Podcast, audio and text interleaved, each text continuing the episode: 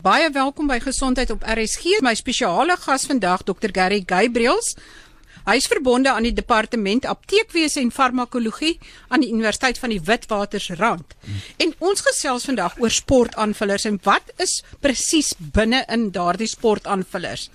Is die bestanddele wat op die etiket aangedui is wel in die regte doserings in die aanvullers? Is daar dalk verbode bestanddele wat nie op die etiket aangedui is nie ook in die aanvullers.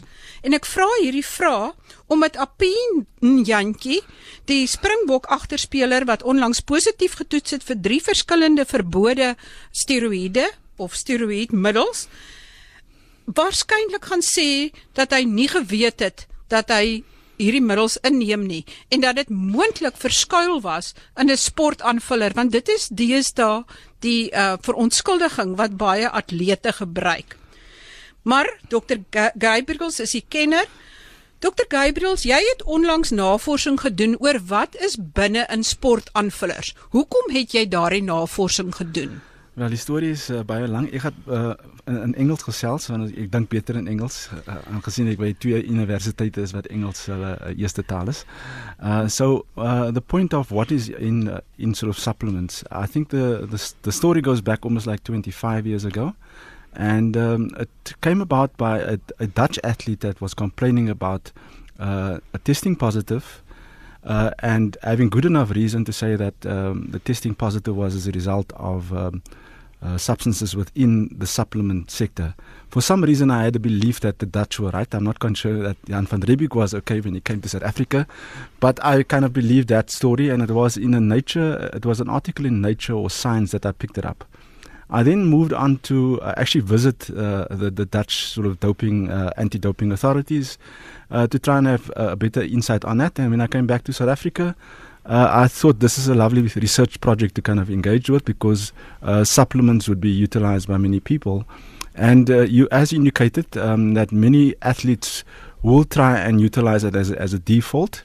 But uh, there, there, there, are reasons sometimes to believe that um, there are prohibited substances within supplements, and uh, the research we are currently doing shows more and more that there's quite a range of of various other prohibited substances or substances that may be carcinogenic that may find itself in these supplement products, and therefore the consumer of this should be aware. And I'm hoping that by virtue of this public uh, exercise we engaged with today, is that more people will become aware of uh, of what actually goes on in supplements, and uh, just be much more knowledgeable about just consuming these things. And obviously, we often highlight sport because these are our high-profile athletes that uh, need to kind of uh, be in good condition on a health basis. But very often, especially when people come from injuries, that uh, there should be, there would sometimes be a uh, sort of unscrupulous behavior that will ensure that people consume, uh, be it sort of within a supplement product or even uh, uh in a pure form uh, of, of products that to, to try and make sure that the recovery period is much shorter. Ja, mense sal enige iets doen om gouer te herstel, om gouer weer aktief te wees en dit is baie maklik. Mens kan honderde van hierdie aanvullers en ek sportaanvullers, voedselaanvullers aanlyn bestel en jy kan dit ook by jou dikwels by jou afrigter of jou gym of wat ook al kry en dan vertrou jy daardie mense. Maar eh, Dr Gabriels, watter spesifieke aanvullers het jy ondersoek en vertel vir ons wat het jy binne in dit gekry wat nie daar moes wees nie of wat daar moes wees en nie daar is nie. So very often uh, what the manufacturers because this is in a very unregulated environment and uh, uh, it's a sort of grey area is regulation that often covers uh, medicine and regulation that covers food. The, uh, what the manufacturers or distributors do is that they wedge in between these two sets of laws so that you can't sort of pin them down. The, the, the point I'm trying to drive home here is that very often people will consume supplements uh, very often as a result of some form of deficiency that they believe they have, and in fact, sometimes it's not really necessary. So that very often we think that the pure form of proteins, be that fish, for example, or the baked beans that your colleague is consuming, is in, uh, technically in a much more natural form. Um, but very often in the supplement industry is that we we never know if the protein content that are within these products actually quite real. So a good example would be if you were to walk in any retail store, uh, very often it will be declared that these products are, are 80% or 100% protein. And that's a, a, curiosity that we currently have within our research, within our division as well, uh, to determine is this real protein or is it just uh, something else that's being as a propellant for the protein. So very often things that, uh, and I haven't studied the, the uh, protein specifically in this way, but more in a general term, we often would know that uh, what we want to do is, is to consume carbohydrate, protein, and fat and in various combinations would mean that I mean someone's diet then suits themselves in the best way possible. What we don't uh, realize is that very often, and sometimes these are in very small quantities, but the cumulative effect over time could actually lead itself to sort of adverse events or side effects that may manifest as a result of consumption. So on the protein side of things, the one thing that we've investigated and is published work on this, if people want to go onto the internet, they can pick that up uh, via uh, the, the, internet, uh, was the issue of melamine. So, what is melamine? So, very often, melamine uh, in the protein supplement sector is a product that very often, if you want to be familiar with what melamine is, it's very often the top bench coat that you have within your within your offices or in your in your kitchen. And very often, melamine is, is much cheaper than protein. And the reason why melamine is often utilized is normally what the term that they would use is it's called protein essence. And the reason why it's uh, so it's it's rich in nitrogen, which protein is rich in often but very often it's much cheaper. And so these, the melamine could be substituted within the protein supplement, uh, whether been knowingly or unknowingly. So very often, lots of this is research work that is still being engaged with. But by and large, I mean, the work that I've done is that I've, there's a percentage of melamine in many of the overall products was uh, found found itself in that space, and very often it was undeclared. Now, what does melamine do? Melamine has a, has a problem, uh, a chemical, if it's not uh, done sort of on surfaces. Uh, the melamine, then, uh, for example, in 2008 in China, there was about 50,000 babies that were hospitalized, of which some people, uh, some of these babies uh, even passed on or died, if I could put it in that way. And what does melamine do? Melamine concentrates in the kidney area.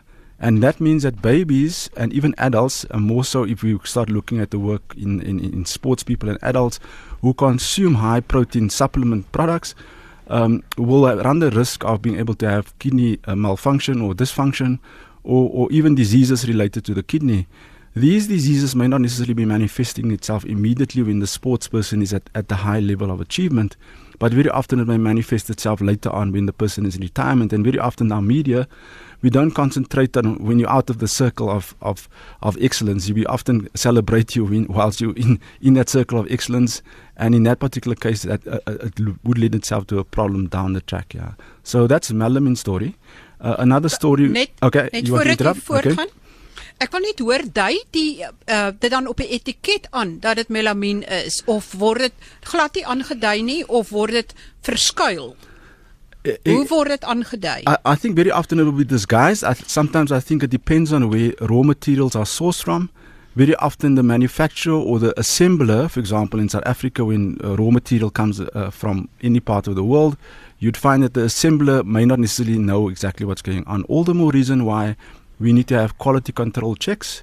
We need to have enforcement capacity to ensure that um, we actually know what the constituents of the raw materials are and in such a way we can protect our society, which in this particular case, the Consumer Protection Act does not help us in that con- uh, in that context because our enforcement capacity is actually still very low in a South African uh, context. So en die, um, regul die regulering van hierdie bedryf is amper nie bestaande nie. I think that's absolutely correct, yeah, and I think our new sort of regulatory authority, I think has much work to be done. As an example, uh, if you look at the Olympics that was held in in London, uh, I think it's 2012 there was enormous outcry. About 84 different products were taken off the shelves from these, uh, from, from, in the London and, and UK area that were basically sort of potential harm to the consumer. Now we have never never done a campaign like that in South Africa, and very often these things are suppressed. And our regulatory authority has its work cut out. I know that South Africa we are very busy with lots of other things. I certainly hope that we could get to the point of where we take the health of our top sports people much more seriously where we engage in awareness and education campaigns that actually brings this kind of issue to the fore in a greater detail and that we have better regulatory capacity to make sure that all other consumers, which often are at the lower tier, because very often the manufacturer is not really interested mainly in the top sports person, uh, the, uh, our market is flooded with these products, and on the shelves of our retail stores, they are very apparent. And I think very often the scrutiny that needs to be going into it is is not uh, sort of forthcoming in the way I I believe it should be. Goed, so met melamine is daar mense wat uh, eintlik hulle toonbanke uh in eet of uh, drink en dan later nierprobleme kry maar hulle doen dit sonder dat hulle weet dis hulle toonbanke. En uh, maar wat is die volgende stof wat vir jou groot bekommernis gee wat jy gevind het? Well so there's uh, there, there, are, there are issues on steroids a whole range of steroids could be finding itself in those products. And uh, very often we have to realize that I mean it, the the bulking up of an athlete whilst protein does that very effectively uh, if you take your normal sort of baked beans and your eggs and that sort of thing, it will bulk up in terms of muscle building. But very often, the if I could call it the catalytic effect, will be sometimes uh, sometimes if you add a steroid to that kind of product. And very often we don't know, uh, even if these are at very low levels. Nowadays we have the luxury within analytical and chemistry areas that we can detect things at a very low level. Previously, these things may not have been detected, and a, work by a Professor Peter van der Merwe from the Free State University that's very early on uh, projected about 15% of products at that point in time had about uh, uh, had steroids in them. Uh, my estimates now that that figure is way much higher. Uh, we we need to still try and do lots of more work in terms of consistency. Is the are these products because it's an unregulated environment that you find that uh, the the levels may sort of uh, vary from time to time, and I'm sure that for the listeners, you may find that if you go into any sort of retail store now, you may find that these products, the branding on the outside of products, uh, almost changes every three to six months. So you never get a good grip on it. I often use it. Sorry if I'm uh, it's, advertising, but if you look at a pack of Jelly Tots or a pack of Smarties in the 70s and 80s, basically that product was very consistent all the time. The brand, if you speak about Smarties, you speak about Jelly Tots as an example. But if you look at, if you walk into a retail store today, you'll find that the branding on the outside almost changes every three to six months. Now the question comes to mind: Is it the same product? Is it a different product? Why do we have to do that all the time? Why there's a strategic marketing plan around why that is being done? So uh, more questions than answers at this point in time. But I think the point that I want to try and drive home is for the consumer to be very vigilant. Our enforcement capacity is not going to help us at this point in time in the way that we would believe it should. But what you can be doing is that that representative at the at the retail store, make sure you ask as many questions as possible. I often do that myself when I walk into the spaces, not that I consume these products, but where you become an informed consumer. And I think very often the South African society is very gullible. Uh, we accept what others tell us. We don't go and do the research. We don't uh, do the investigations. We don't ask the hardline questions. And I think that quite becomes quite imperative for people to to engage with whoever is selling your product. And uh, that does not imply only for supplements. I think across the board we should be much more curious about what we are consuming. Uh, our health and our wellness is of, of, of utmost importance on the way forward. Dr Gabriel, jy sê dit jy dink na raming is daar baie meer as 15% van die aanvullers wat eintlik verbode middels soos anaboliese steroïde bevat. Wat is jou skatting omtrent 1 uit 3 30% of wat wat dink jy omtrent? Op die oomblik sal ek sê dit's meer as is meer as 30% ja. Uh, it, uh, ja en en en en and and that that scenario is that I mean it, why it's so important for us to continuously do the exercise of the research. Why I my desire and I hope is that more students uh, come and do some research in that space, and that we ask the hard questions. I'm not I'm not I want to say I'm not anti the issue of innovation. But the word innovation can lend itself and, uh, and conjure up lots of thoughts, lots of thoughts in the interest of the pocket of the manufacturer or even the, the business sector. And uh, we have published work on that as well, where we expose the fact that uh, the, it's not necessarily about the health and wellness of people. It's more about the bottom line or the shareholder that needs to be uh, getting their dividends in terms of what needs to happen from these companies as well. Ja, dis 'n baie ongelukkige situasie. Dr Gabriels, na watter woorde moet ons uitkyk voor? Woorde soos Hulk gainer, collagen, uh, uh, protein, hardcore, lean gain, strength improvement, muscle builder. Is dit die woorde wat mens versigtig voor moet wees? Ek dink ek dink uh, I I believe that we need to scrutinize and very often what the market is doing. I'm not trying to sort of gun the marketers here. I'm saying that we need to be truthful in what we present to the consumer. And very often the the wording is packaged in ways that captures your imagination. And once you're captured, you think that someone is acting in your interest. And I may be put this very bluntly. No one is acting in your interest. So you need to scrutinize those words very carefully. If I go into some of our gymnasium at the moment, people will tell you that uh, uh, that they are testing for these uh, for these banned substances, right? But very often you ask yourself the question: So how many on how many occasions is it is it on the basis of batch to batch situation, or is it a once off a year kind of thing, and uh, the rest of the year we kind of do our own thing? And I think that is what we need to scrutinize. The wording you've utilized in Afrikaans, uh, it's applicable in English and in any other language. Sometimes words can have different meanings. And I often, um, the, the, the figure that I often use is that if, if these distributors can capture 25% of the people, then it's good business. Uh, so if you are captured by that word, uh, uh, uh from a religious perspective, on one of the supplement products, uh, they indicated consume this product but drink lots of water. And on that same label, it says, In God we trust. Now, what does, how does that link to the fact? Are you saying that consume this product and uh, your deathbed may be coming sooner rather than later, and so therefore you have to have uh, faith in a, a religious entity uh, for your own health and wellness. Yeah. So there are lots of catchy phrases, and I think uh, uh, or catchphrases. I think it's imperative one to scrutinize that and very often, what many people don't do is that they don't read the label. Now, I feel very sorry for, on one level, if your eyesight is very good, mine is kind of fading after reading all these labels, is that we need to kind of have a different strategy about how we, we give about information or labeling information so that the consumer has informed consent. For the elderly person, which has become a very captive market, we know that in our in, in our society as well, is that people are getting uh, they're getting much more, uh, uh, if I can, getting on in years, if I could put it that way, not to kind of be derogatory, but uh, getting on in years, and very often those folk cannot read the label. They're going to rely on other people. They're going to rely uh, on, on, on a younger person to read what is going on on that label. And very often the print is so small that if you cannot read between the lines, you can't you can't read the lines, let alone read in between the lines. So I think uh, one has to ask yourself the question, and very often the cost of these products are uh, horrendous.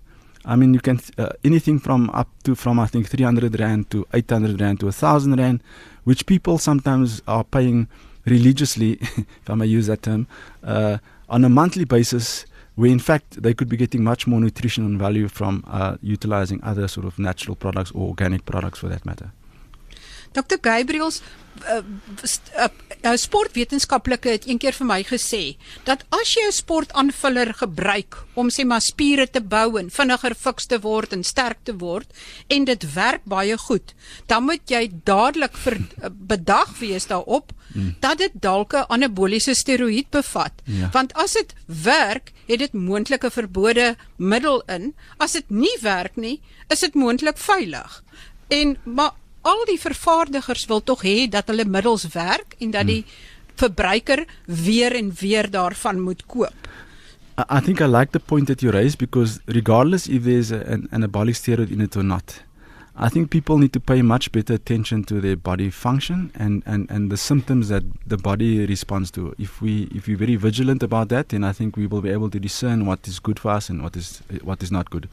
I think the concern is, and, and that happens to many professional athletes is that um, if I use an example of, I think it was uh, uh one of the Olympics in the 19 uh, in the 2000s, where in fact, of all the people that were running in the 100 meter finals on that occasion, within three years, all of them had tested positive. So uh, Ben Johnson is a very good example. I don't know if anybody knows Ben Johnson, but was tested positive uh, on, two, uh, on on two different occasions, even after coming back from suspension.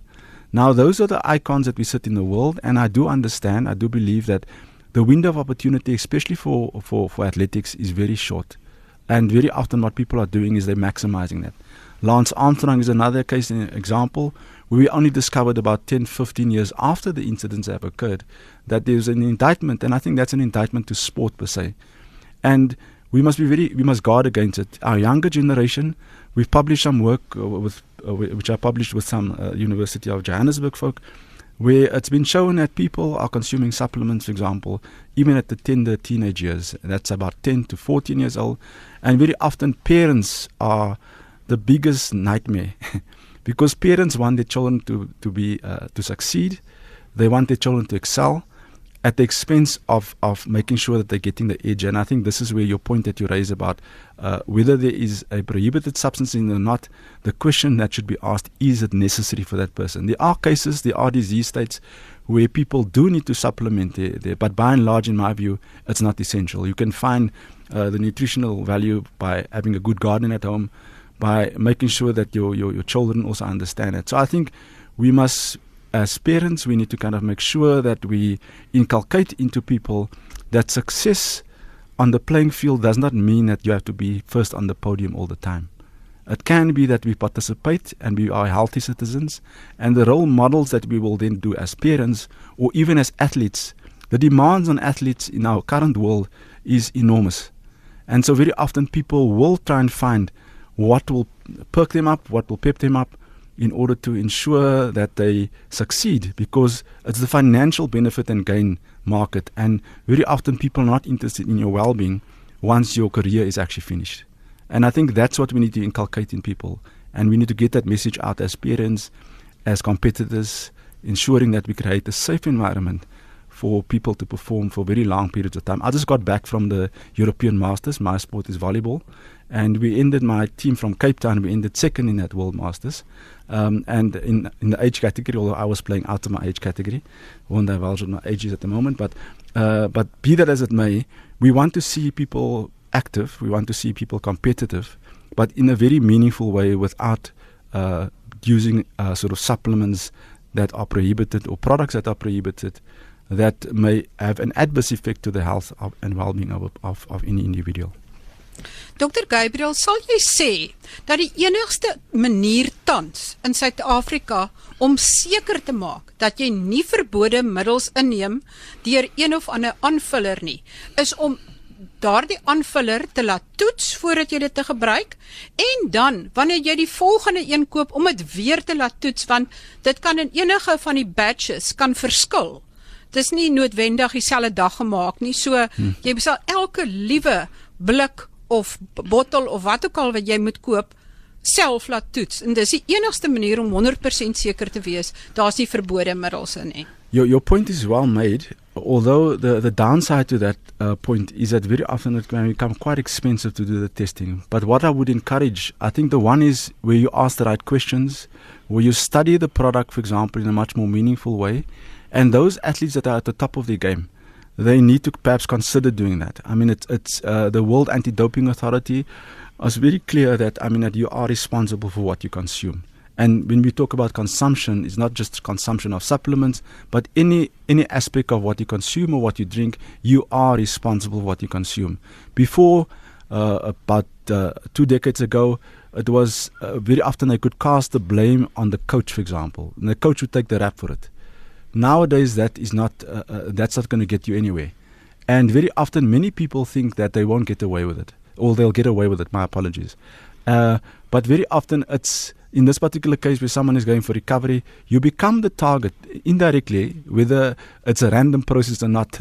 Within a random process, somehow you are targeted, and people would want to know would want to know how come can you get back to uh, onto the field of play in such a rapid way. And I think the, the rugby scenario, I haven't been following that uh, at, at the moment, but from what my understanding would be, is that people are asking how, how come could this athlete get back so soon? So it leads, it leads me to a point where I'm saying that we must not just think that the medical fraternity or the healthcare provider or wellness provider will always act in the interest of the broader landscape. There's vested interest to get athletes back to uh, on form, there's vested interest in terms of making sure that the marketing of a given event or the marketing of a franchise uh, gets back on track uh, more rapidly, especially if you are a talented athlete. But I think we must be very careful that we should not be taking shortcuts at the expense of our overall career trajectory. I think it becomes it becomes a, a, a flaw in the system. It has impact also on community. It has impact on your family. It just not does not impact you as much as you, the person that's consumed it the message that goes out there is that I mean it, tarnishes the image of those that uh, of your loved ones that are, are, are, closely associated with you, and uh, and I think that you cannot just wish away. Uh, it will always remain, and will always remain in the text of of, of the newspapers, the media, the television, and even in the archives uh, till you pass on. Dr Gabriels, ons moet omtrent afsluit. Ek wil net vinnig 'n ja of nee antwoord kry by jou. Het julle ook opkikkers, so stimulante in van julle produkte gekry wat julle getoets het? Yeah, so I think the the point is yes, there's definitely uh, that scenario. It's it's at the at the moment I'm I'm not being able to write as fast as I can think about these things, but uh, but yes, there's definitely amphetamines definitely come into it. So very often, what will happen, uh, you probably find. Don't be surprised that the marketers will start looking at. Uh, we're going to the festive season period. We people are trying to lose weight very rapidly. And very often, the term that will be utilized is that the product that you're consuming is natural natural is not often, is not scientifically necessarily that it's not harmful. And I think that's where we, we, we miss the boat. We need to th- discern what it means natural. And, uh, and very often, embedded in these products will be amphetamines, various other uh, stimulants, as you indicated. And very often, we don't know physiologically how these stimulants actually impact on the normal uh, physiology of any being. And so, sometimes uh, just as a, as a hint to kind of the, the, the, landscape we find ourselves in, we shouldn't be surprised that uh, people are consuming these products and how it impacts our behavioral patterns. So the carnage that is being happening, or the scourge that's been happening in our, our South African society at the moment, um, I haven't got evidence for that at the moment, but my my thinking is going along the lines that I'm really curious to know what people are consuming, why why are these, why is this violence imposed on our women folk in society at the moment? And I think it's very relevant in our society, but yet we have not really uh, sort of scrutinized in detail what people are actually consuming and how that impact of the amphetamines or the steroids, the aggression that may come through. I mean, just this past week when our rug- rugby players, for example, left abroad, um, uh, the testosterone levels are very high. And so you ask yourself the question uh, would people have a bit a different sort of aggressive behavior as they would normally have, for example? So these are things I think we need to scrutinize in more detail. I think the academic complex need to realize that they have to, there's much more work to be done in this space. And I really wish that, I mean, that more people can start asking the hardline questions. Ons sal beslis daardie vrae vra. Baie dankie aan Dr Gary Gabriels van die Universiteit van die Witwatersrand, 'n navorser op die gebied van voedselaanvullers en nog verskeie ander navorsingsprojekte ook aan die gang. Baie baie dankie. En volgende week gesels ek oor palliatiewe sorg. Wat is dit? Weet en is dit uh, vir terminaal siek pasiënte en wat kan daar gedoen word? En die week daarna gesels ek met Dr. Ras Takker, sportwetenskaplike, oor of hierdie anaboliese steroïde tot watter mate dit wel sportprestasie kan verbeter of nie verbeter nie. Tot volgende week dan wanneer ons weer gesondheidsake gesels. Groete van my, Marie Hudson.